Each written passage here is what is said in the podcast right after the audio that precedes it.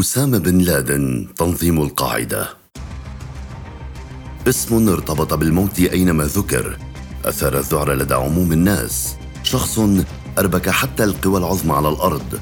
تحركت لأجله دول ومنظمات عسكرية وغير عسكرية والهدف واحد إما إلقاء القبض عليه حيا أو قتله والقضاء عليه. أسامة بن لادن وأخطر المنظمات الأصولية تشددا. كان الاتحاد السوفيتي قد باشر بالفعل بغزو أفغانستان لتثور ثائره المنظمات الإسلامية في سبيل مقاومته وإخراجه من البلاد. ولهذا الأمر علت أصوات المنابر في المساجد تصدح لحث الناس على الجهاد في سبيل الله ونجدة إخوانهم في أفغانستان. ليتأثر العديد من الشبان العرب وينطلقوا بغية الانضمام للمجموعات التي تقاوم الاتحاد السوفيتي هناك.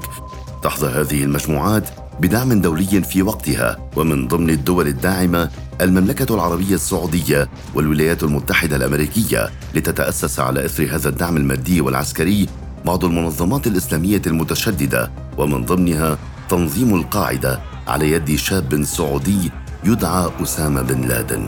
وصل بن لادن أفغانستان في العام 1982 حيث ينحدر الأخير من عائلة سعودية ذات نفوذ ومال ويؤسس هناك ما يعرف اليوم بتنظيم القاعدة. كان هدف هذا التنظيم واضحا وهو الجهاد في سبيل الله ضد الجيش السوفيتي. وفعلا كانت الاستراتيجية هي العمليات الانتحارية وحرب العصابات والكمائن على أطراف الجبال ليتطور الأمر بعد تزويد الولايات المتحدة لتنظيم القاعدة وغيره من التيارات الإسلامية المتشددة بالأسلحة التي كانت تعد متطورة في ذلك الوقت. هذه الأسلحة ومن ضمنها صواريخ أرض جو كان من شأنها أن تغير المعادلة كليا فأصبح بمقدور المجاهدين اصطياد الطائرات السوفيتية من مخابئها وحتى لو كان علوها متوسطا أو بعيدا الأمر الذي حذب الجيش السوفيتي إلى الانسحاب بعد الاستنزاف الواضح والنتائج الغير جيدة لاحتلال البلاد. كما الأزمات الداخلية التي عصفت في روسيا ذاك الوقت ليغادر الاتحاد السوفيتي وجيشه أفغانستان في عام 1989 رحل الجيش السوفيتي عن البلاد لتبقى الساحة خالية أمام المنظمات والتيارات الإسلامية المتشددة وأسلحتها وسطوتها أيضا. لتبدأ هذه المنظمات في محاولات حثيثة للسيطرة على أكبر جزء من البلاد. هذا الصراع على النفوذ والسلطة أدى إلى بداية الاقتتال الداخلي بين هذه المنظمات والتيارات الأمر الذي أدى بأسامة بن لادن لمغادرة أفغانستان إلى السودان بعد أن خاب أمله في بناء الدولة الإسلامية التي لطالما حلم بها على حد قوله.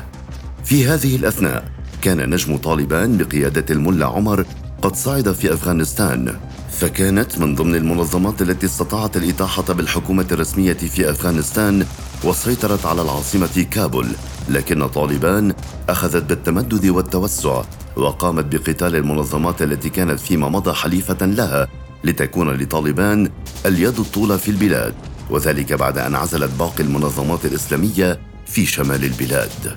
لطالما كانت طالبان تكن العداء للولايات المتحدة والدول الغربية وهذا أيضا كان نهج وتفكير اسامه بن لادن الذي كان يسير عليه. الأمر الذي بان كالتقاء أفكار وتوافق في النهج. وبعد سيطرة طالبان على معظم البلاد رأى بن لادن أنه من الاجدى به العودة إلى أفغانستان لإعادة تنظيم وهيكلة منظمه القاعدة. وبالفعل وعلى متن طائرة عسكرية في مطار العاصمة السودانية الخرطوم صعد بن لادن وغادر السودان عام 1996 ليصل جلال أباد في أفغانستان في ذات اليوم. في الوقت سام بن لادن في السودان كانت عناصر تنظيم القاعدة قد حافظوا على مراكز تدريبهم ومعسكراتهم في البلاد فمنذ وصوله لأفغانستان وبسبب التقارب الفكري بينه وبين طالبان سعى بن لادن لإعادة تشكيل وتنظيم جيشه الخاص تحت غطاء ودعم طالبان. هذا الأمر جعل من عناصر تنظيم القاعدة قوة لا يستهان بها في البلاد. فكان التنظيم دائم الدعم لطالبان في حروبها ضد التنظيمات الإسلامية التي كانت تخالفها أو تحاول السيطرة على بعض المناطق منها. بعد هذا بعامين أي في العام 1998 ضربت سلسلة من التفجيرات سفارات الولايات المتحدة الأمريكية في كل من كينيا وتنزانيا لكن طالبان سرعان ما نفت أن يكون لها علاقة بهذه التفجيرات.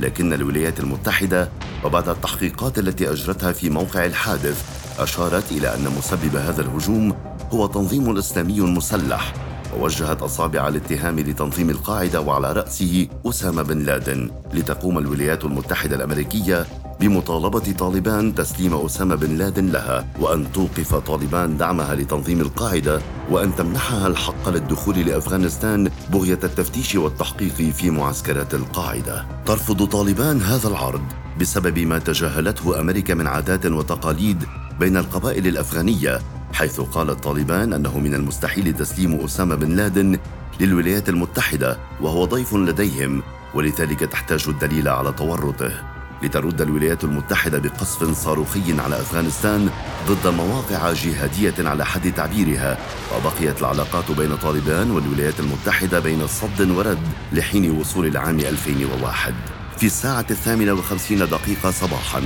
كان كل شيء يبدو طبيعيا في ولاية نيويورك الأمريكية إلا أن ما اخترق روتين المدينة اليومي هو طائرتان مدنيتان حطتا في أبراج التجارة العالمية في المدينة وسط ذهول وصدمة من العالم أجمع. يذوب الفولاذ في البرجين وسط الحرارة العالية الناتجة عن كتل اللهب المحترقة جراء انفجار الطائرتين. ويسقط البرجان التوأمان اللذان كانا علامة المدينة وأحد رموز القوة للولايات المتحدة. بعدما جرى هناك سمت الولايات المتحدة أسامة بن لادن كمشتبه أول مسؤول عن الحادثة. لتطلب الولايات المتحدة تسليمه هو وقادة تنظيمه للولايات المتحدة.